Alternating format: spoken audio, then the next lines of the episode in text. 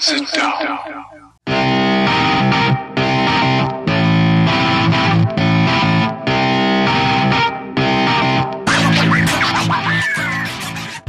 Witam wszystkich i każdego z osobna. Ja jestem Robert Kochan, a to jest Kochana NBA, najbardziej nieobiektywny podcast o najlepszej koszykarskiej lidze świata.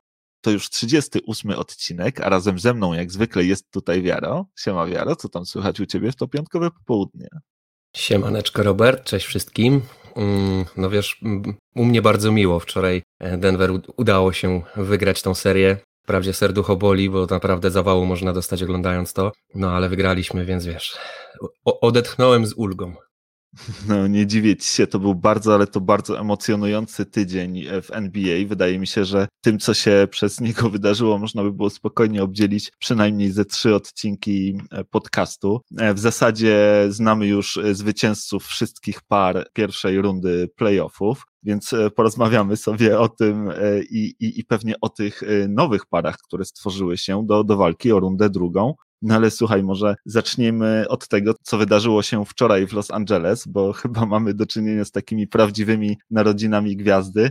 To, co zrobił Devin Booker Lakersom, odprawiając e, mistrzów z playoffów już w pierwszej rundzie, 47 punktów, 11 zbiórek, 8 trójek. No wszystko to to są jego career highs. Fantastyczny występ e, Devina Bookera i mistrzowie poza playoffami. Co ty o tym myślisz w ogóle?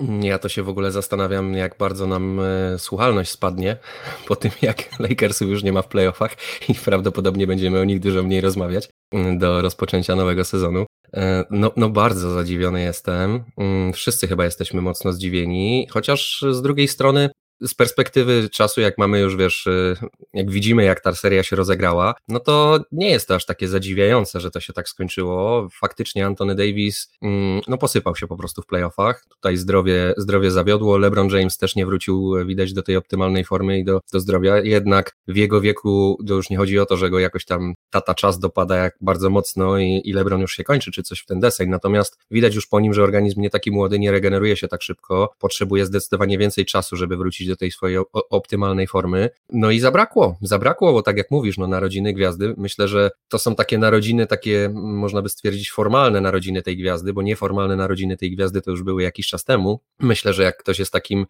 jak ktoś lubi się przyglądać właśnie takim młodym, nowym zawodnikom w NBA, to już od jakiegoś czasu śledzi, śledzi Devina Bookera i to, co Devin Booker robi w tej lidze i co pokazuje.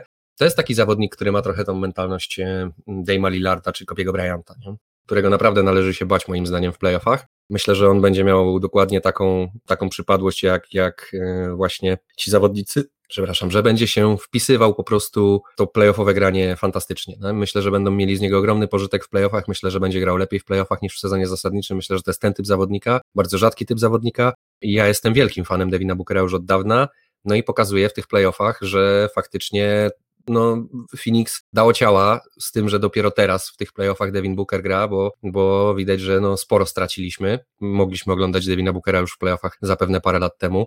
No ale tak czy inaczej, fajnie, że, fajnie, że w końcu Devin w tych playoffach gra. No i fajnie, że, że, że szerokiej publiczności może pokazać właśnie cały wachlarz swoich umiejętności, to jakim jest grajkiem, tą swoją mentalność, tą swoją właśnie mamba mentality, ten swój clutchness, jak się to mówi, czyli, czyli zimną krew w końcówkach meczy do wygrywania po prostu, do dowożenia zwycięstw w, w trudnych sytuacjach albo do, do po prostu postawienia wykrzyknika e, w meczu, stwierdzając, że no nie wygracie tego po prostu, bo ja tu gram w przeciwnej drużynie i tyle. Nie? Także ja, jak najbardziej tutaj wielki szacunek dla Phoenix, tym bardziej po tym, co się stało z Chrisem Polem. Mm, myślę, że wszystkich pozytywnie bardzo Phoenix zaskoczyło, chyba nie pierwszy raz w tym sezonie. Natomiast ja też bym nie, nie robił tutaj z Phoenix jakiegoś behemota nie do, nie do pokonania, dlatego że zbili Lakers.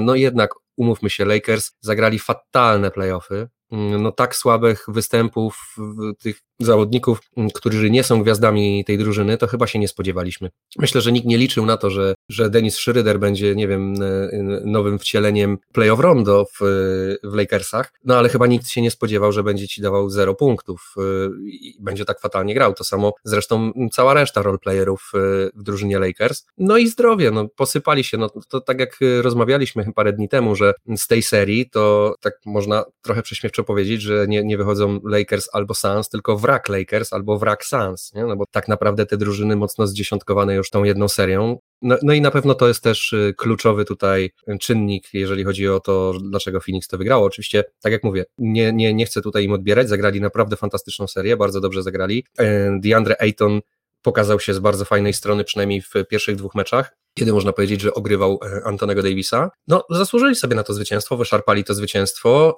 natomiast no też umówmy się, no to było takie trochę rozszarpywanie już, już rannego zwierzęcia, którym, którym byli e, Los Angeles Lakers w tym sezonie.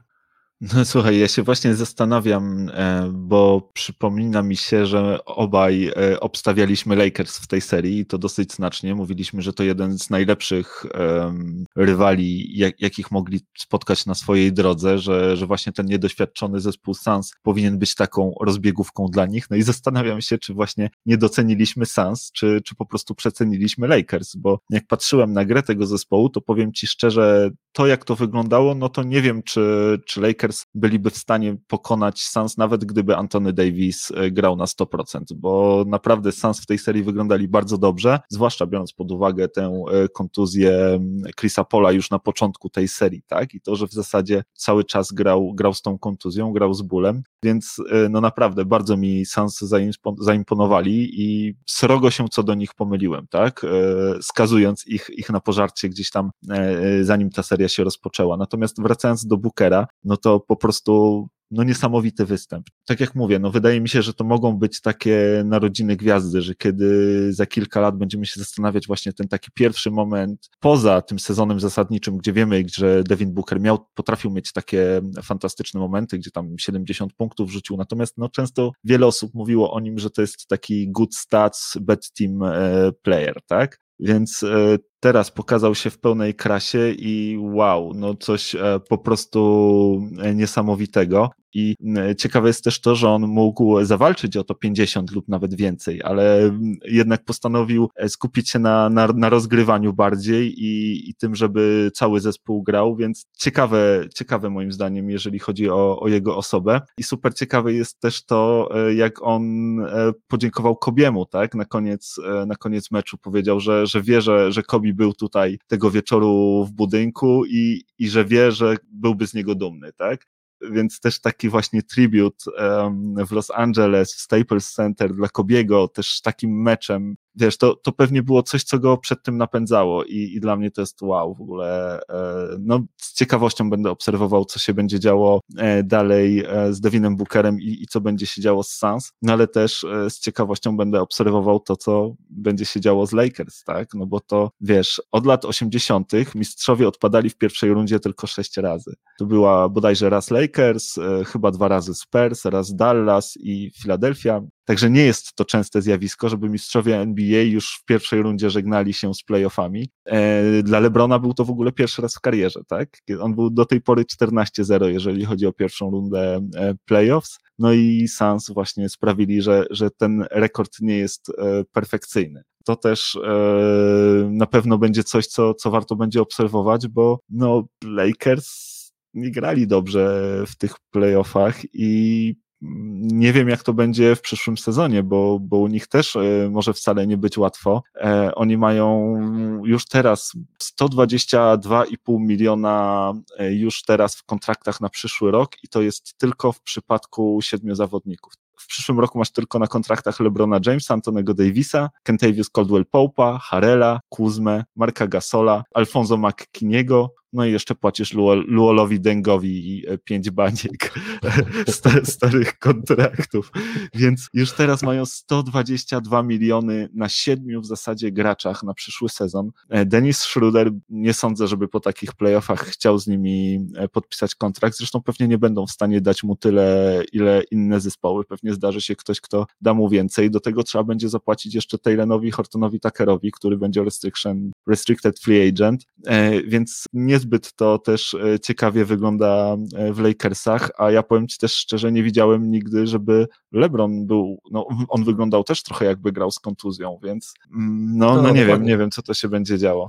No wiesz co, bardzo dyplomatycznie to, to wszystko y, opowiedziałeś. Nie wiem dlaczego taki masz dystans do Lakersów. To ja powiem krótko, zagrali tą serię do dupy i teraz są w dupie. No takie niestety są fakty, bo mm, tak jak mówisz, fakt, że ja akurat nie, nie, nie, patrzę na salary capa jako tutaj rzecz, która ich blokuje, bo Lakersi mają pieniądze, to ich nie, nigdy nie będzie ich blokować, że trzeba komuś zapłacić, chyba że nie będą mogli ze względu na, na obostrzenia ligi, no ale dopóki to są ich zawodnicy, to mogą im płacić dowoli. A to, że oni tam będą mieli jakiś luxury tax, to myślę, że tam kogoś interesuje w Los Angeles. Więc yy, to akurat myślę nie jest problem, natomiast problemem jest to, co mówisz, tylko z jakby z innej perspektywy. No oni są, oni mają ten zespół złożony tak, jak mają złożony i tak, nie mają żadnych asetów, żeby po kogokolwiek wytradować, no bo kogo oddasz? Antonego Davisa? Nie mają po prostu z czego uderzyć. Na rynku tak naprawdę nie będą się praktycznie liczyć, będą musieli bardzo mocno liczyć na jakąś tutaj kreatywność yy, Roba Pelinki, że wykaże się jakimś tutaj, no naprawdę z kapelusza wyjmie jakiegoś trade'a yy, i, i namówi kogoś, nie wiem, pewnie, pewnie już dzwonią do Wolves, nie?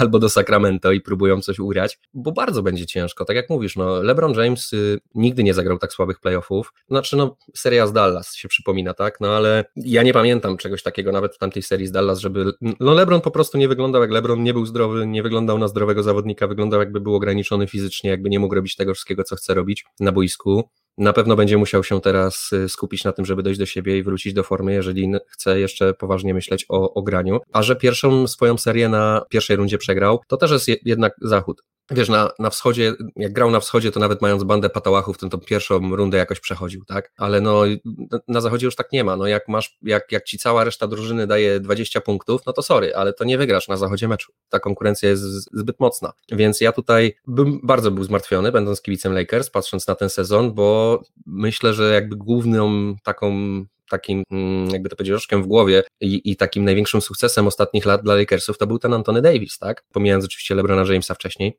No ale LeBron James musiał z kimś grać, trzeba mu było jakąś, jakiegoś jeszcze superstara mm, dokoptować do tego składu, no i, i tą rolę miał spełniać Anthony Davis, ale Anthony Davis, tak jak mówiłem, no ja nie ufam temu zawodnikowi, nie umiem tego wyjaśnić, bo on teoretycznie ma wszystko, czego potrzeba, żeby być tym fantastycznym zawodnikiem, ale jednak w kluczowych momentach cię zawodzi, albo jest kontuzjowany, albo zagra jakiś słabszy mecz i musi grać w następny mecz się musi, i, i mówi, że o, w następnym meczu to się odkuje, no i faktycznie w następnym meczu zazwyczaj gra fantastycznie, ale, ale, ale to jest niefajne, że mu się takie mecze zdarzają, to jest niefajne, że on nie umie wejść na ten równy, stabilny poziom, to wiesz, tak jak rozmawialiśmy a propos Michaela Portera Dziurora, nie? że chłop ma 22 lata i już od 4 czy 5 miesięcy gra praktycznie to samo w każdym meczu, nie? praktycznie każdy mecz wygląda w jego wykonaniu identycznie i robi ten, ten taki drobny, wiesz, po kroczku, po kroczku sobie tam te, te swoje statystyki cały czas podbija, ale jest bardzo równy, nie?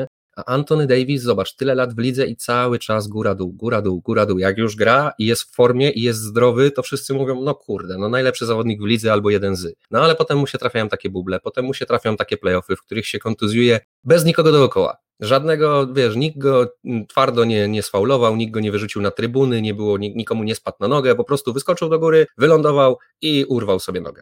No i to jest to. Niestety na tego gościa nie można liczyć, na nim nie można polegać w tych, w tych kluczowych momentach. Mimo całego talentu, który ma, to coś tam niestety jest nie tak z tym, z tym, z tym chłopakiem. Nie? I to jest myślę taka naj, najbardziej właśnie przykra sprawa dla kibiców Lakers, bo tak po prawdzie, no to gdyby ten Antony Davis był tym Antonym Davisem choćby z, zeszłego, z zeszłych playoffów, czy tym Antonym Davisem, na którego oni tutaj liczyli, że będzie już w tym sezonie i, i, tak naprawdę wszyscy się spodziewaliśmy, czy większość z nas się spodziewała, że Antony Davis może się właśnie tak już przebudzić finalnie i wejść na ten, na ten poziom takiego ekstra superstara, no to wygląda na to, że to, nie, że to wciąż nie nastąpiło i prawdopodobnie nie nastąpi i, i, i będą się tak bujać z tym, z tym Antonym Davisem, no i będzie dużo zależało od tego, czy akurat jest zdrowy, czy akurat jest w formie, bo jak nie, no to, to jak widać nie mają szans. A tak jak powiedziałeś, oni mają tak skonstruowaną drużynę, że tam liczyć na jakieś wielkie ruchy i na to, że wiesz, coś się wielkiego stanie, no to jest, to jest tak naprawdę no, marzenia ściętej głowy, tak? Ja już dzisiaj słyszałem, że podobno Damian Lillard do Lakers. No i jak? Jakim cudem? Za kogo? No, ja tego nie widzę. Ja myślę, że Lakersi zagrali do dupy te playoffy, no i teraz są w dupie w związku z tym. No, trochę tak to wygląda. E, tutaj wspominałeś o tych kontuzjach e, Antonego Davisa. Ja właśnie ostatnio miałem okazję e, znaleźć gdzieś listę jego kontuzji od początku kariery, jak to wyglądało i powiem Ci, że to była długa lista. Droga lista, to tak, No to tak powiem Ci, że herbatkę sobie zrobić, okulary założyć, bo to cały wieczór, wiesz, przy kominku. Dużym problemem może być to, że fani zaczynają wątpić w ten zespół, bo ja też słyszałem ostatnio taką wypowiedź Snoop Doga, który po prostu no, strasznie jechał po tym zespole, nazywając ich soft i tak dalej, więc no, fani Lakers przyzwyczajeni do wielkości, nie przyzwyczajeni do odpadania w pierwszej rundzie, zwłaszcza, że snuto przed nimi chyba cały sezon tę wizję, w którą my chyba też uwierzyliśmy, że, że Lakers to jest ta najlepsza drużyna, to jest ten behemoth, który idzie po swoje, który będzie wszystkich lał, no ale to był rok też bardzo trudny dla nich, pełen kontuzji. Właśnie tutaj zarówno kontuzja Lebrona, jak i Antonego Davisa, no trochę odebrały im e, szansę na, na, na ostateczny triumf. To może być efekt też tego, że oni jednak grali w tym bablu ostatnio do samego końca, mieli bardzo krótki ten off-season, zaraz potem od razu praktycznie zaczęli grać, tej przerwy było mało, no i być może to wpłynęło na ten ostateczny rezultat, tak? I na to, że, że Lakers jednak no, brakło, brakło ewidentnie sił i, i brakło im zdrowia. No i co ciekawe, e, będzie to pierwszy finał od 2010 roku, w którym nie zagra ktoś z dwójki Steph Curry, LeBron James. Więc od, od 11 lat e, w finałach zawsze widzieliśmy kogoś z tej dwójki. E, no i tym razem będzie, będzie troszkę inaczej. Czy powiedz mi, masz coś jeszcze do dodania w tej serii? No nie, no ja myślę, że to już podsumowaliśmy dość ładnie. Jeszcze raz może tylko propsy dla drużyny Phoenix, przede wszystkim dla Devina Bookera, mm, no i dla Chrisa Pola za to, jaką, jak, jak, jak naprawdę napędził chłopaków do walki i jaką mentalność tam ta drużyna przyjęła dzięki temu, dzięki temu gościowi. Y, no, no i cóż, no, kibice Lakers, jak to powiedział jeden z mi znajomych kibiców Lakers, oni się już nawygrywali, więc mi jest nie żal.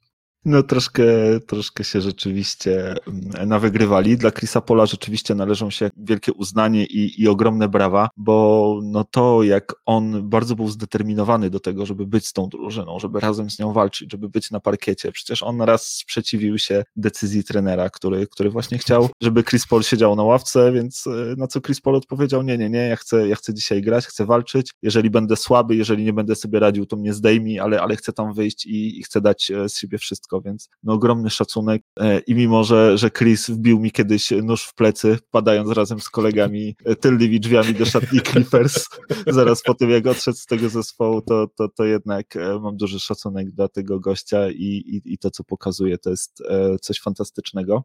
Dobra, słuchaj, no to przejdźmy może do kolejnej serii. Zastanawiam się, czy, bo tutaj Utah chyba tak e, mięciutko i, i szybciutko poradziło sobie z Memphis i nie wiem, czy tutaj o czymś e, chciałbyś porozmawiać, czy, czy po prostu uznajemy to za odhaczone na to-do liście e, dla, dla zespołu Jazz, który no, przeszedł przez tą pierwszą rundę gładziutko, przegrał tylko jeden mecz, w którym nie wystąpił Donovan Mitchell. Jeżeli Donovan gra, całe Utah gra fantastycznie, a, a Mitchell jest e, główną jakby twarzą tego spektaklu, więc nie wiem, czy, czy chcesz tu jeszcze coś dodawać? No dosłownie w, w jednym zdaniu Utah jest lepszą drużyną od Memphis, zdecydowanie i to widać. I także tutaj ja, ja się nie spodziewam, nie spodziewałem, żeby tutaj jakieś e, wielkie niespodzianki były. Memphis i tak się fajnie pokazało w tych playoffach. To jest młoda drużyna, o nich będziemy pewnie rozmawiać w przyszłym roku czy za dwa lata na poważnie. A teraz, no, powiem ci, że trochę zaczynam, trochę zaczynam się bać tego Utah.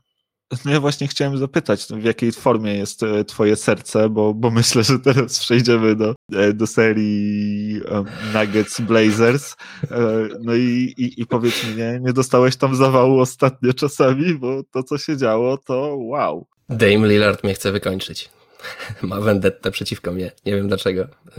Zawsze nic, tylko respekt i szacunek z mojej strony w stronę tego gościa był. Nigdy nie mówiłem o nim źle. Nie wiem dlaczego się tak pastwi nade mną. No, fantastyczne zawody. To się po prostu oglądało rewelacyjnie. Natomiast y, przyznam szczerze, że być kibicem jednej z tych drużyn i oglądać to, co tam się dzieje, no, serce na ramieniu, naprawdę. Tak wyrównane mecze, takie serie. Nie wiem aż od czego zacząć. No, pierwsze chyba, co mnie najbardziej utkwiło w pamięci po tej serii, no to jest Dame Lillard. Dame po prostu wielki szacun. Gościu, ja nie wiem jak ty to robisz. No po prostu jak przychodzi co do czego i trzeba wygrać mecz i trzeba rzucić punkty, które, od których zależy to, jak dalej ten mecz się będzie toczył. Trzeba skończyć jakiś run albo, albo przypieczętować jakiś run, wbić, wbić gwóźdź do trumny. Ten gość jest po prostu najlepszym zawodnikiem w lidze w tym momencie, do którego można się zgłosić po takie usługi. No nie wiem, czy ktoś ma bardziej ten clutch gen niż, niż ten gość, a też umiejętności do tego, żeby to wykorzystać. No po prostu ten mecz z dwoma dogrywkami to naprawdę no nie mogłem uwierzyć w to, co się dzieje. Wygrywaliśmy ten mecz trzy razy i trzy razy Damien Lillard powiedział, że nie, e, e, jeszcze nie jeszcze ja tu jestem i zanim ja, dopóki ja was stąd nie wypuszczę, to nigdzie nie idziecie. Gość potrafi zdobyć 9 punktów pół minuty, w 40 parę sekund, w minutę. To są, to są jaja i nic, nie szło z nim po prostu nic zrobić. Miałem trochę przebłyski tego, jak, jak Lucas Clippers wygląda, bo też rzucaliśmy całą drużynę na tego, na tego gościa, wszystkich po kolei i nic, nic nie skutkowało. Chociaż powiem Ci, że akurat w ostatnim meczu wczorajszym bardzo mocno mi zaimponował Mike, Michael Malone po raz kolejny, bo on w każdym meczu wprowadzał jakieś zmiany, w każdym meczu wprowadzał jakieś drobne poprawki do tego, jak Denver gra, jak powinno grać i jak, jak, jak y, to wszystko wykorzystywać. No i wpuścił w końcu Faku na Faku co zagrał cały mecz na Lillardzie, fakt, że się wyfaulował w trzy kwarty, y, ale powiem Ci, że przez te trzy kwarty no utruł mu, gość nic nie robił, tylko biegał za nim jak cień. Nie? Po prostu na niczym innym się nie skupiał. Jak szalony przez te wszystkie zasłony, za każdym razem utrudnił ile mógł po prostu Lillardowi. Nie? Jedyne, co tak naprawdę na Lillarda można było zrobić i czym moim zdaniem finalnie go zatrzymaliśmy, no to po prostu tak, tak zwany war of attrition, no to, czyli, czyli zasadniczo na wyniszczenie ich wzięliśmy. Po prostu Lillard się musiał tyle nabiegać i tyle napracować i tyle namęczyć we wszystkich tych meczach, że w ostatnim meczu już po prostu nie miał nóg. I to było widać, po prostu wszystko było front rim, wszystko praktycznie się odbijało, wiesz, za krótko. Celne jak zwykle, nie? Miałby po prostu trochę więcej siły, to pewnie byśmy ten mecz przegrali i pewnie byłaby, pewnie musiałbym oglądać Game 7, no ale widać, że, że jednak jak jesteś jednym, jedynym koniem pociągowym w całym zespole, cała reszta, nawet CJ McCollum nie gra nic, wszystko idzie przez ciebie, każda akcja idzie przez ciebie, jak cię zabraknie na boisku, to nagle drużyna przeciwnika po prostu odrabia punkty jak szalona, no to tak się to nieraz kończy, nie? W, w takich meczach jeszcze, wiesz, dwie dogrywki, no i naprawdę Denver po prostu postanowiło, że go zamęczy, nie? Szczególnie właśnie w tym ostatnim meczu, kiedy Faku za nim gonił i zmusił go do tego, żeby po prostu cały mecz Lillard biegał i szukał sobie pozycji, żeby mieć kawałek wolnego miejsca, żeby móc w ogóle dostać piłkę, nie? No genialna taktyka ze strony, ze strony Michaela Malona moim zdaniem, no i cóż, no każdy ma swoje limity, limity, nawet Damian Lillard ma swój limit, jak widać, nie, nie był w stanie pod, ponieść do kolejnego zwycięstwa Portland. Także ogromny, ogromny szacunek z mojej strony do, do Lillarda, mimo że oglądam to nie pierwszy raz i, i nie pierwszy raz widzę, co, co ten gość robi. Po raz kolejny bardzo mi ten gość zaimponował. No powiem ci, że ja w ogóle jestem bardzo smutny, że ta seria e, się już kończy, bo takie rzeczy można by było oglądać i oglądać, zwłaszcza ten mecz e, z dwoma dogrywkami, to zachwyty po prostu płynęły zewsząd e, nad, nad tym, co, co, co tam się działo i co tam też wyczyniał przede wszystkim Damian Lillard, bo to był taki ponadczasowy występ z jego strony, te, te 55 punktów, no tyle, ile one tam razy wyrównywał w tych końcówkach, ile tam było tych ważnych trójek, to można by było obdzielić ze dwa albo trzy spotkania. Oj, żebyś wiedział, tam były trzy przewagi takie po 10 prawie punktów, czy 11, które Denver miało, które po prostu Damian Lillard rozpieprzył, nie? coś, coś absolutnie e, niesamowitego. E, a sam Damian Lillard w swoim stylu, zapytany po meczu właśnie o ten występ, odpowiedział: No, to nic nie znaczy. Przegraliśmy i it doesn't matter, tak? Więc e, no, coś niebywałego z jego strony i to, jaki gość ma ten klacz gen, jak on potrafi w tych końcówkach właśnie wziąć piłkę i przechylić e, szale zwycięstwa na korzyść swojego zespołu. Tutaj akurat się nie udało, rzeczywiście zabrakło e, chyba trochę w baku, no ale też świetnie grali Nuggets, tak, bo to, co też robi Jokic z kolei z drugiej strony, to jest równie niesamowite. Jokic utrzymuje tę formę MVP, cały czas gra na nieustająco fantastycznym poziomie i to gra w każdym meczu. On tak jak jakby w tamtym roku właśnie nie grał w finałach konferencji, e, gdzie inne zespoły, które, które wtedy występowały, no niemal wszystkie mają problemy. E, Nuggets też mają problemy, tak, z kontuzją Jamala Mureya, a Jokic, ten grubasek, tak, o którym się mówiło, że, że on tutaj będzie e, opadał z sił i, i tak dalej, gra w każdym meczu, w zasadzie w każdym meczu gra ogromną liczbę minut i ciągle w playoffach właśnie jest w stanie ten zespół pociągnąć, być też przeciwwagą jednak dla tego Lillarda. Umówmy się, że, że to był trochę pojedynek takich dwóch wielkich indywidualności. Te pozostałe, e, czy to, czy to gwiazdy, czy, czy drugie, czy trzecie e, opcje w ataku w stylu Portera Dziurora, czy CJ'a McColluma, oni grali w tej serii różnie, tak? Czasami szło im lepiej, mieli lepsze striki, czasami bywało, że tam e, ta, ta skuteczność była bardzo niska, natomiast z jednej i z drugiej strony te największe gwiazdy no, pokazały w zasadzie pełnię swoich e, umiejętności niemalże i no coś, coś e, niesamowitego. Ja osobiście powiem Ci szczerze, że, że jestem bardzo dumny z tego, co, co pokazał też Austin Rivers w tej serii. No mój szalony druid, e, na, na którym, w którym nie, nigdy nie wiesz, na co trafisz, ale naprawdę pokazał się bardzo solidnie. Robił co mógł, walczył z całych sił, potrafił trafiać też trójki w czwartej kwarcie. Mnie też mega rozbawiło, jak on właśnie po tym meczu z dwoma dogrywkami opowiadał o tym, jak przyszło mu e, kryć e, Damiana Lillarda i opowiada, że to jest w ogóle what the heck, i tutaj nie padało słowo heck, że próbował mu wsadzać jedną rękę w twarz, dwie ręce w twarz, że nic po prostu absolutnie nic nie działało i że ogromny w ogóle respekt i że jest jakby dumny tak, z tego, że mógł być tego częścią i że zrobił po prostu absolutnie wszystko, co tylko mógł, tak? I nie był w stanie nic, nic zupełnie e, z tym poradzić. A naprawdę moim zdaniem grał w tej serii, czy, czy też w tym meczu e, dobrze, więc e, no zewsząd po prostu z całego świata NBA ogromne wyrazy, wyrazy szacunku popłynęły w stronę Damiena Lillarda. E, ty wspomniałeś też o Mike'u Malone i że jesteś zadowolony e, z tych, z tych jego decyzji, czy, czy z tego, jak potrafił dopasować swoją drużynę do okoliczności i utrudnić też Lillardowi życie. Ja z kolei mam kilka takich spostrzeżeń w kierunku Michaela Malona. No, nie do końca e, moim zdaniem dobrych decyzji, jeżeli chodzi o, o, o właśnie te o, podjęte przez niego. Bo na przykład nie jestem pewien tej decyzji, żeby pozwolić wtedy w tej końcówce Lillardowi rzucać te trójki. E, zastanawiam się, czy nie dużo lepszym e, posunięciem byłaby wtedy gra faul za faul, osobiste za osobiste, bo e, okej, okay, z każdym innym zespołem w porządku, możesz, możesz spróbować ustawić swoją obronę i niech rzuca, ale Damien Lillard w takiej formie i to to się nie stało raz w tym meczu, ale dwa czy trzy razy, a wydaje mi się, że spokojnie grając faul za faul, osobiste za osobiste, tak naprawdę kradnąc też w ten sposób e, czas i timeouty drużynie Portland, e, bylibyście w stanie swobodnie wygrać ten mecz e, jeszcze w regulaminowym czasie. No ale to jest taka, taka moja obserwacja. Michael Malone jest zdecydowanie lepszym specjalistą ode mnie w tym temacie, więc e, na pewno podjął dobrą decyzję, ostatecznie e, wygrali, natomiast no ja, jak, jak gdzieś tam na to e, zwróciłem uwagę. E, no i też rozmawialiśmy o tym, co będzie z Lakers i powiem Ci, że ciekawe, co się będzie też działo z Portland, bo to jest e, już czwarty first round exit, jeżeli chodzi o drużynę Blazers w ciągu ostatnich pięciu lat. Także no zobaczymy, Damian Lillard już zaczyna wysyłać jakieś takie, przynajmniej interpretacje są e, dwuznaczne rzeczy, które mówi, ale wiesz, w Nowym Jorku zacierają ręce, tak jak powiedziałeś w Los Angeles zacierają ręce, wszyscy się pewnie smakiem obejdą, ale na pewno będzie to coś, czym NBA będzie żyło też przez e, najbliższe miesiące.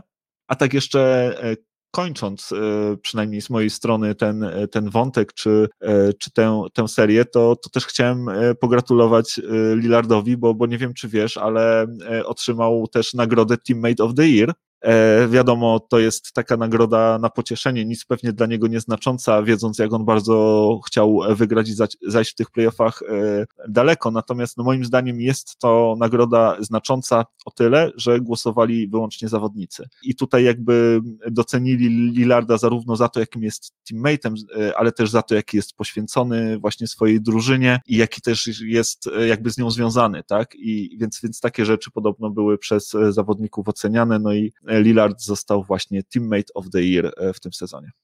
No to powiem Ci, nawet nie dziwi. No, tak jak mówisz, y, pewnie dla samego Lillarda niewiele znacząca statuetka, ale pokazuje właśnie, jakim szacunkiem się ten ciemność cieszy w lidze. I to i nie tylko ze, y, jeżeli chodzi o, o, o, swoich kolegów z drużyny, ale też y, swoich przeciwników. No, wczoraj też bardzo mi się podobało to, jak właśnie po meczu wszyscy się zachowali praktycznie każdy podchodził do Lillarda i mówił, że już kręcił głową z niedowierzaniem, co ty w ogóle gościu robisz, nie? I że jakim cudem my to wygraliśmy. Więc y, wiel, no, no, wielki, wielki szacunek dla Lillarda za to, co zrobił. Natomiast tak jak mówisz, no bardzo ciekawe, co się dalej stanie. To jest ym, taka trochę taki skutek uboczny tego, że mamy taki wyrównany zachód. No, mamy osiem bardzo mocnych drużyn na zachodzie, cztery z nich odpadną w pierwszej rundzie. No i to nie tylko dla Portland, ale pewnie dla każdej z tych drużyn, która odpada w pierwszej rundzie, będzie mm, dużo znaków zapytania i, i, i pewnie będzie dużo y, różnych spekulacji na temat tego, jak, jak dalej przyszłość tego zespołu się będzie mm, toczyła. Natomiast, no, tak jak y, też wspomnieliśmy, no, mm, Lillard to jest taki zawodnik, który po pierwsze jest zawodnikiem bardzo lojalnym, więc nigdy nie wiadomo, czy to, to może być z jego strony tylko taki, wiesz, taka jeszcze próba przymuszenia Portland do tego, żeby jednak zamieszali na poważnie w tym składzie i sprowadzili mu kolegę, który będzie w stanie z nim powalczyć w tych playoffach. CJ McCollum Wiesz, że uwielbiam tego zawodnika, zresztą obaj go bardzo lubimy, jest y, świetnym gościem, tak też pozaboiskowo, ale no trzeba przyznać, że no zawodzi, zawodzi w tych, w tych y, kluczowych sytuacjach, w tych kluczowych momentach, no to nawet Michael Porter Juror go przyćmił w tych playoffach, mm, gdzie to jest 22-letni chłopak, który gra drugi, drugi, drugi rok w lidze, a CJ jest uważany za gwiazdę już od lat, mm, więc faktycznie w Portland y, trzeba przemyśleć to, jak ta drużyna jest zbudowana i co dalej robić, bo no bo Damian Lillard, ile może Damian Lillard czekać i jak to sam stwierdził, być dedicated, czyli oddany drużynie, jak, jak długo to jeszcze może potrwać. A jeszcze tylko wracając na szybko do tego, jak dobrze Denver grało w, ty, w tej serii. Mm, Denver to jest naprawdę super drużyna. Ta drużyna Denver, ta, ta akurat odmiana tej, tej drużyny, ta wersja tej drużyny z ostatnich dwóch sezonów czy trzech, to jest czysta przyjemność jest kibicować tym chłopakom. Oni się nigdy nie poddają, zawsze walczą, wychodzą z dołków regularnie, przyprawiają cię o drżenie serca i o zawały, ale summa summarum walczą do samego końca i wygrywają bardzo często te mecze i, i potrafią też naprawdę w końcówkę grać. I to co mówisz, Jokic zagrał fantastyczną serię, tak naprawdę rewelacyjną serię, no 30 chyba 5 punktów średnio robił na mecz, no ale jak Damian Lillard gra w taki sposób, no to nikt o tym nawet nie mówi, nie? Mi się wydaje, że, że, że uff, udało się po prostu. Tak jak mówisz, to, to Austin Rivers tam po którymś niecelnej trójce Lillarda, to, to, to dziękował niebiosom, że, że nie trafił Lillard w końcu, nie? Więc to, to pokazuje, jak, jak trudnym faktycznie matchupem jest Lillard. Być może faktycznie coach Malone mógł to zrobić lepiej. Nie, nie pomyślałem wcześniej w ogóle o tym kącie, że faktycznie można było grać foul za foul. Całkiem możliwe, że, że, że, że mogłoby się to lepiej skończyć, aczkolwiek z drugiej strony yy, Lillardowi tak niewiele trzeba, żeby tą trójkę sypnąć. Tak niewiele na chwilę go po prostu spuścisz z oczu i, i, i dasz mu ten kawałek miejsca, nawet czasem mu nie dasz tego kawałka miejsca, on i tak tą trójkę rzuci i wszystko mu po prostu w tym meczu się działo wtedy. No, mieliśmy fantastyczne widowisko dzięki temu, na szczęście moi wygrali, więc, więc y, nie będę tam jakoś y, wielce Michaelowi Malone'owi zaglądał w to, co on y, rozrysowywał. Natomiast kończąc już też z mojej strony wątek tej serii, naprawdę Wszystkim fanom koszykówki szczerze polecam, obejrzyjcie sobie końcówkę tego meczu w, z, dwie, z, dwiema dogrywkami, ostatnią kwartę. Jak, jak, macie chwilę, to obejrzyjcie sobie oczywiście cały ten mecz, a najlepiej całą serię, ale jeżeli macie zobaczyć tylko jeden mecz z pierwszej serii playoffów, to zobaczcie ten, zobaczcie co Damian Lillard i, i Denver Nuggets wyprawiali w końcówce, jak to wyglądało, no nie zawiedziecie się na pewno. I jeszcze jeden tylko szybki shoutout y, dla jednego z moich chłopaków, Monte Morris, gościu, imponujesz mi niezwykle. Naprawdę. 28 punktów z ławki. Wow niezwykle, a też psychika, taka psychika po prostu, wiesz, wszystko się sypie, Montemoris bierze piłkę, robi punkty. To jest taki zawodnik, który cię po prostu, wiesz, jest w stanie wyciągnąć z tych opresji, zatrzymać to krwawienie, nie, i, i, i pociągnąć cię do przodu. Jokic też jest takim zawodnikiem, więc, mm, więc bardzo fajnie, że, że Denver ma takich gości, a Montemoris nieraz gra bez Jokicia i właśnie w tym momencie jest, można powiedzieć, takim ukrytym y, motorem napędowym tej drużyny, jak nie gra Jokic. Także jeszcze raz wielki szacun dla gościa, super fajnie gra. Mm, no i może przejdźmy przejdźmy do kolejnych serii, bo czas nas goni, a jest jeszcze o czym gadać. Dokładnie tak. Mamy tutaj już e, pary w drugiej rundzie, e, które wiemy, że ze sobą zagrają. To jest w jednej parze to jest Nuggets i Suns, w drugiej Utah Jazz i Dallas Mavericks. E, więc możemy sobie tutaj powiedz mi, jak, jak obstawiasz, że, że to się skończy dla, dla każdej z tych drużyn? No myślę, że jeżeli mamy się w takie obstawianie bawić, no to najpierw musimy y, uświadomić wszystkim, jak to się stanie, że Mavs wygrają tą swoją serię, bo seria jeszcze się nie skończyła, jakby nie było. Clippers też przyprawili wszystkich o dobry zawał serca i myślę, że lekkim grzechem byłoby jednak nie wspomnieć o tym, co tam się stało, y, więc pozwól, że może zacznę i troszkę się powywnętrznię na temat twojej drużyny. No, powiem ci, że tak jak mówiłem, jest sposób na wygranie tej serii i ten sposób w dwóch meczach zadziałał doprowadzili do wyrównania, doprowadzili do, do tego, że było 2-2, no i wydarzył się mecz numer 5. No i teraz to ja już nie mam niestety nic na swoją obronę w tym meczu numer 5. Grali solidnie, mecz był do wygrania i w końcówce po prostu posypali się, no po raz kolejny posypali się, to yy, wychodzi na to, że, że, że naprawdę znasz tą drużynę jak nikt inny i mówiłeś o tym, że mają chłopaki szklaną psychikę i nie potrafią tej presji udźwignąć. No i, no i jak ja mam inaczej na to wszystko patrzeć w tym momencie? No grali dwa mecze o nic, można powiedzieć, bo wszyscy ich spisaliśmy na pożarcie, jak, jak było 2-0 dla Dallas i to jeszcze wygrane dwa mecze na wyjeździe. Clippers jadą e, do, do, do Dallas yy, grać z Mavs e, mecz numer 3 i 4. Wszyscy myśleliśmy, że już będzie po serii. Nikt ich nie obstawiał, zero presji jakiejkolwiek wygrali dwa mecze. Zaczęła się tylko presja, zaczęła się, zaczęły się jakieś, jakieś yy, nasze oczekiwania wobec tej drużyny, no i dali ciała w końcówce. No nie wiem o co to chodzi, nie wiem co jest nie tak, yy, chyba po prostu tak jest, chyba to jest, chyba nie ma się co kłócić z rzeczywistością, bo jest po prostu tak, że, że chłopaki jednak mają słabą psychę i potrzeba wam dokładnie takiego Dame'a Lillarda do drużyny, żeby po prostu wygrać to wszystko i dominować jak nikt inny. Bo jeżeli takich zmian jakichś nie przeprowadzicie, to playoff rondo to nie jest to, to, to rondo to jest za mało, to już jest zbyt stary zawodnik i on już od dawna nie jest, nie jest zawodnikiem, który, który mógłby wziąć ten ciężar grania na siebie w końcówkach. Owszem, on pomaga, jest na pewno takim czynnikiem stabilizacyjnym w drużynie, e, fajnym weteranem, ale też, e, no umówmy się, no też, też były pyskówki ze strony Rondo do, do Kawaja, o ile się nie mylę, po tym jego nietrafionym rzucie, no, no strasznie to wyglądało w końcówce tego meczu. No i być może jednak jest coś w tym, że Kawaj jest zawodnikiem, któremu po prostu najzwyczajniej w świecie brakuje jakiegoś takiego cardio i jakiegoś takiego, takiej ogólnej siły na to, żeby grać cały mecz na takich obrotach, jak musi grać, żeby wygrywać. Mm, bo faktycznie w tym meczu numer 5 gonił za luką jak szalony i, i, i mocno się w defensywie napracował. No i w końcówce w ofensywie go nie było. W końcówce w ofensywie już e, nie miał nóg pod sobą, nie, nie był w stanie już e, tak mm, no, wziąć tego ciężaru gry na siebie. No, Paul George po raz kolejny no, no, nie pokazuje się z najlepszej strony. No i no, no, nie bardzo wiem, co dalej w tej drużynie, no bo, no bo teraz to już, tak jak mówisz, no bardzo ciężko będzie wygrać tą serię. Prawdopodobnie Dallas y, jednak to, to, to wszystko wygra. No i też będzie bardzo dużo znaków zapytania związanych z Los Angeles Clippers w y, kwestii przyszłości tej drużyny i tego, jak to będzie wyglądać. Co ty o tym wszystkim myślisz? No ja myślę, że przede wszystkim e, ten mecz numer 5 był spokojnie do, do wygrania. Wystarczyło, żeby Terence Mann zamiast podawać do Batuma rzucił layupa na Luce, który wcale nie jest jakimś cudownym e, shotblockerem i, i zawsze można też tam było zgarnąć faul.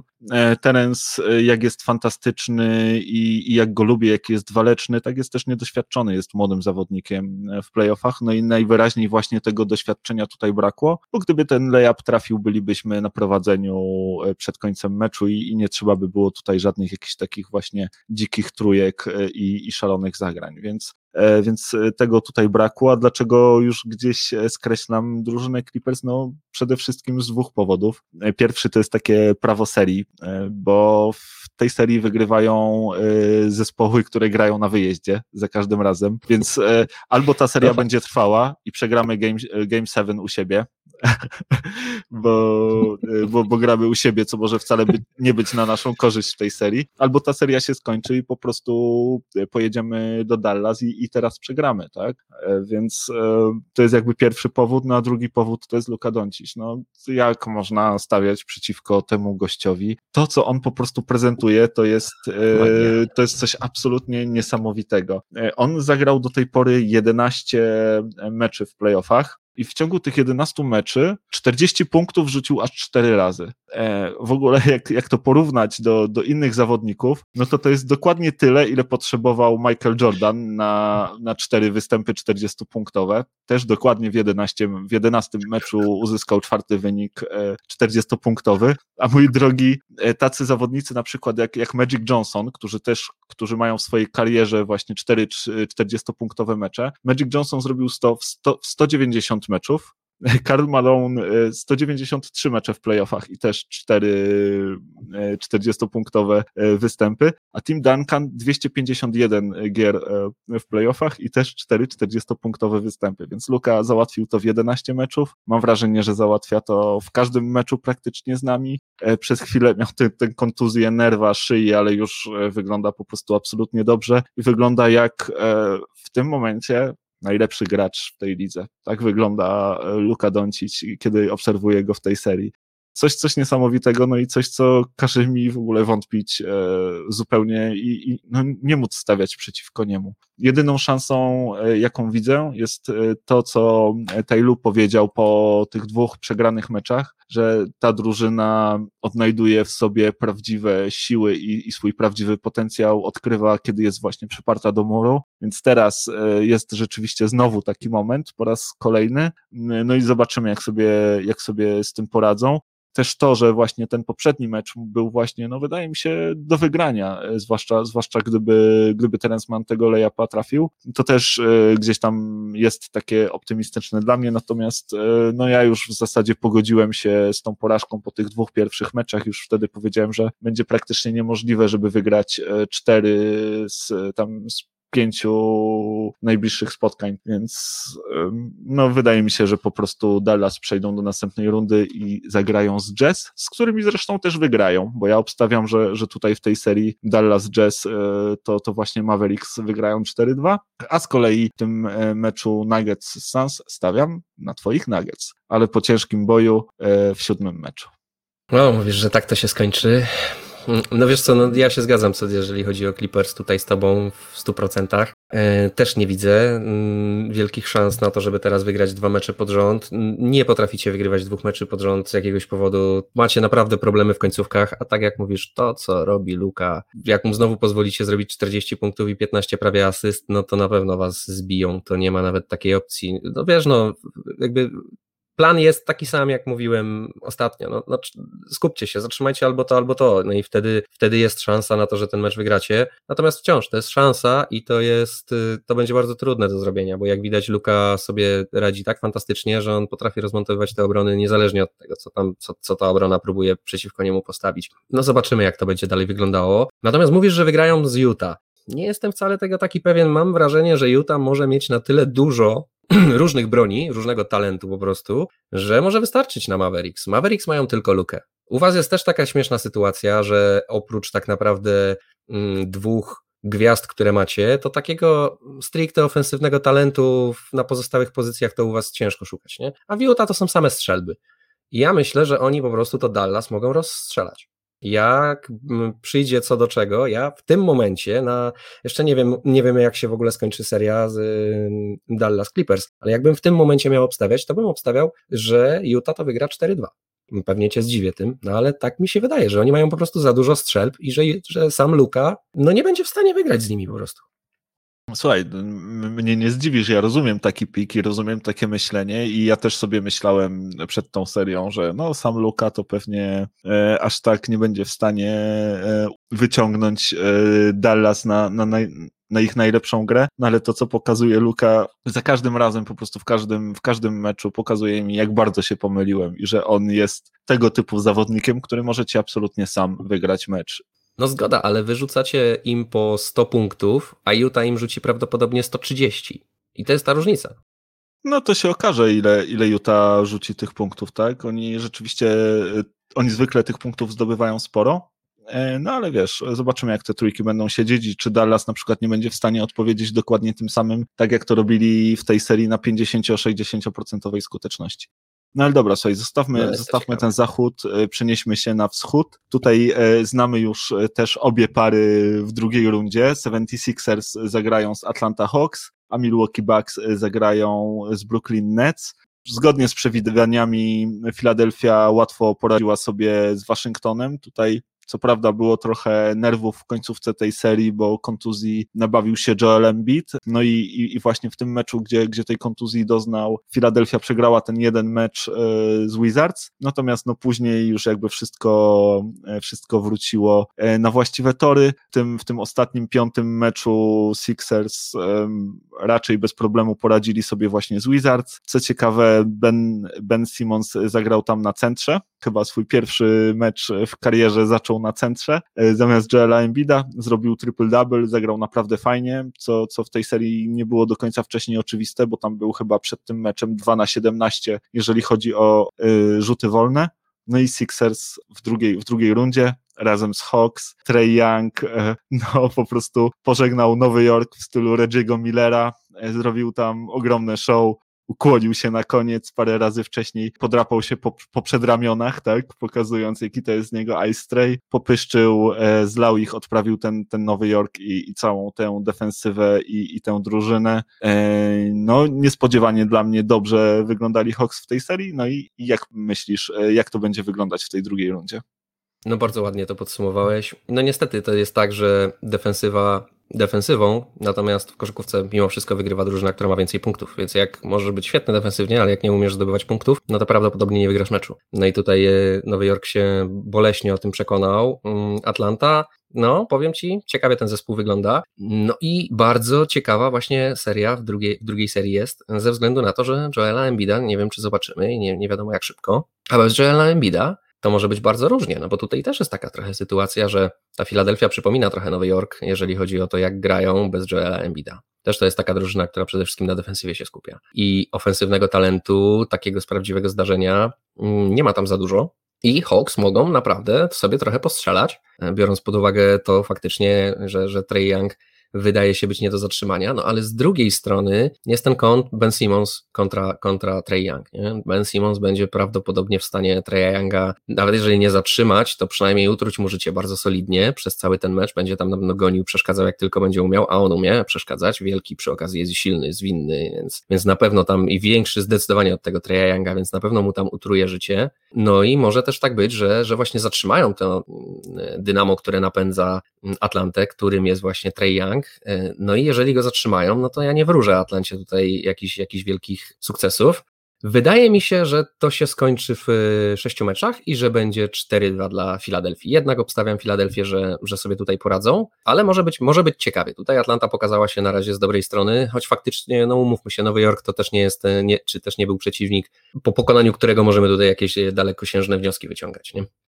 No ja się w zupełności zgadzam e, z tym, co powiedziałeś. Wydaje mi się, że, że właśnie w tej e, tak mniej więcej ta seria może wyglądać e, i że wszystko będzie tutaj pewnie zależało właśnie od Joela Embida i tego, jak szybko wróci na parkiet rzeczywiście też świetne spostrzeżenie a propos tego, jak, jak tutaj te meczapy będą wyglądać, bo to też będzie fantastyczna sprawa, bo z jednej strony właśnie będziemy mieli Treya Younga, na którego zostanie rzucony no pewnie na pewno finalista wyścigu o Defensive Player of the Year, czyli Ben Simmons, który może mu bardzo utrudnić życie, a dobrze wiemy, że gra Atlanty to w dużej mierze Trey Young i jego umiejętności i jego trójki, więc kluczowa może się tutaj okazać być postać Bogdana Bogdanowicia, no ale na niego też Sixers mają Matisa Tajbula, który fantastycznie wygląda. Z kolei tutaj e, pewnie Sixers w przypadku braku Embida będą liczyli na strzelby Tobiasa Harrisa, na którego z kolei będzie grał Hunter, e, który też jest znany z tego, że jest bardzo dobrym e, obrońcą, więc fajnie się bardzo te, te drużyny meczapują. Nawet jak wróci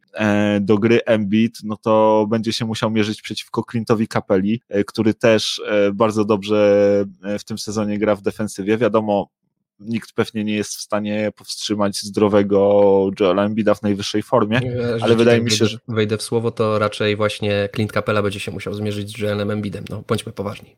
No ale gra ofensywna Atlanty nie opiera się jakoś tak bardzo na, na Clincie Capelli, a on i tak będzie w stanie zrobić tych kilka roli w pick and rollach e, w meczu i, i zdobyć te, nie wiem, 8, 10, 12 punktów i to w zupełności może wystarczyć, tak? E, jednak tutaj Atlanta... No, ale w defensywie jeszcze będzie się z nim musiał mierzyć, nie? Będzie go musiał powstrzymać no może wiesz, no ciężko, ciężko znaleźć dobry matchup przeciwko Embiidowi, no żeby, żeby tak e, ustawić go jak równy z równym, no to nie wiem, to, to by go trzeba było z Jokiciem przeciwstawić i zobaczyć, co z tego wyniknie, no a tak to poza tym to ciężko znaleźć centra, który będzie w stanie się, wiesz, jak równy z równym z Embiidem mierzyć, on każdego gdzieś tam, od każdego jest trochę większy, trochę, trochę szybszy, ma trochę lepszy footwork, tak, on jest takim teraz e, młodym szakiem trochę, nie, sprzed lat. Natomiast bardzo podoba mi się właśnie to, e, jak tę serię podsumowałeś i też bardzo podoba mi się twój wybór, bo, bo też mniej więcej wydaje mi się, podobnie bym strzelał i też wydaje mi się, że Philadelphia tę serię wygra i, e, i że będzie to 4-2, natomiast no muszę też zauważyć, że już stawiałem przeciwko Atlancie e, w pierwszej serii i, i Trey Young wziął to sobie do serca chyba i, i, i potraktował to osobiście i, i rozstrzelał Knicksów i, i wygrał tę bitwę o tożsamość NBA, mój drogi. Teraz e, czeka nas tylko i wyłącznie dyktat ofensywy i e, Chociaż z drugiej strony być może ta, ta defensywa e, Sixers pokaże, że, że jest inaczej. No ale już, już to mówiłem przed pierwszą serią, więc no zobaczymy. No dobra, no i został nam creme de la creme na deser. A. E, wspaniała seria, która się szykuje, chyba taka najciekawsza e, z serii w tej drugiej rundzie. Milwaukee Bucks, który, którzy po prostu spuścili lanie na kolanie Miami Heat i wysłali ich z powrotem do pokoju. I no, nie spodziewałem się, że to po prostu aż tak będzie wyglądać i że to będzie takie lańsko. W zasadzie no, w tym tygodniu Bucks już w zasadzie nie można było oglądać, bo nie chyba w tamtym tygodniu jeszcze tę swoją serię e, kończyli i, i czekali na Nets. No a Nets z kolei bez problemu rozprawili się Celtics tutaj dokładnie tak, jak ja przewidywałem, przynajmniej ten, ten 4-1 i ten jeden występ Jasona Tatuma to 50 punktów, no zagranie mocno, mocno ponad, ponad przeciętność i ponad swoje standardowe numery. No i no ale na tylko na tyle było stać Boston Celtics. No i e, Nets gładko, śmiało po, po takiej delikatnej przebieżce, nawet e, nie męcząc się szczególnie i, i bez przyspieszonego oddechu lądują w tej drugiej rundzie i czeka nas starcie Tytanów. No, ładnie to podsumowałeś, a to jeszcze rykoszetem się oberwało w pokój, w którym siedzieli e, GM-owie i kadra zarządca, zarządcza Celtów. No bo po, po tej serii Dan Ainge e, podał się do dymisji, e, czy też e, odszedł na emeryturę, może tak, bo to, bo to ładnie, ładnie ubrane w słowa zostało. Także no Nets tutaj się nie tylko rozprawili z drużyną, ale i z front office'em Boston Celtics i to gładziutko, tak można powiedzieć, że właśnie spacerkiem. No i tak naprawdę teraz się prawdy dowiemy. O, jak ja zacieram rączki na tą serię. To będzie to. Powiem Ci, że jestem, po pierwsze jestem mega ciekaw, ale mam tu oczywiście swojego faworyta, no i ja tutaj w tej serii pewnie dość kontrowersyjnie, ale jednak będę stawiał na ten walec z Milwaukee. Zapewne wszyscy mi wytkną, że to ze względu na moją antypatię do Nets, no i będą mieli rację, ale jest to też podyktowane tym, że, że naprawdę wierzę w tą drużynę Bucks w tym roku. Wydaje mi się, że ja, ja, pamiętam, jak wyglądała drużyna Denver, która się budowała właśnie w playoffach i, i te pierwsze porażki w playoffach, te pierwsze porażki o playoffy w tych ważnych meczach, gdzie budowali właśnie sobie tą świadomość tego, że jak y, mecz jest decydujący, a te mecze w playoffach są decydujące, to naprawdę każde posiadanie piłki jest ważne i każde dwa punkty są mega ważne, każde trzy punkty są mega ważne. Nie można oddawać głupich rzutów, nie można za darmo oddawać piłki, nie można sobie pozwolić na takie rzeczy, na które w każdym praktycznie innym meczu jest miejsce.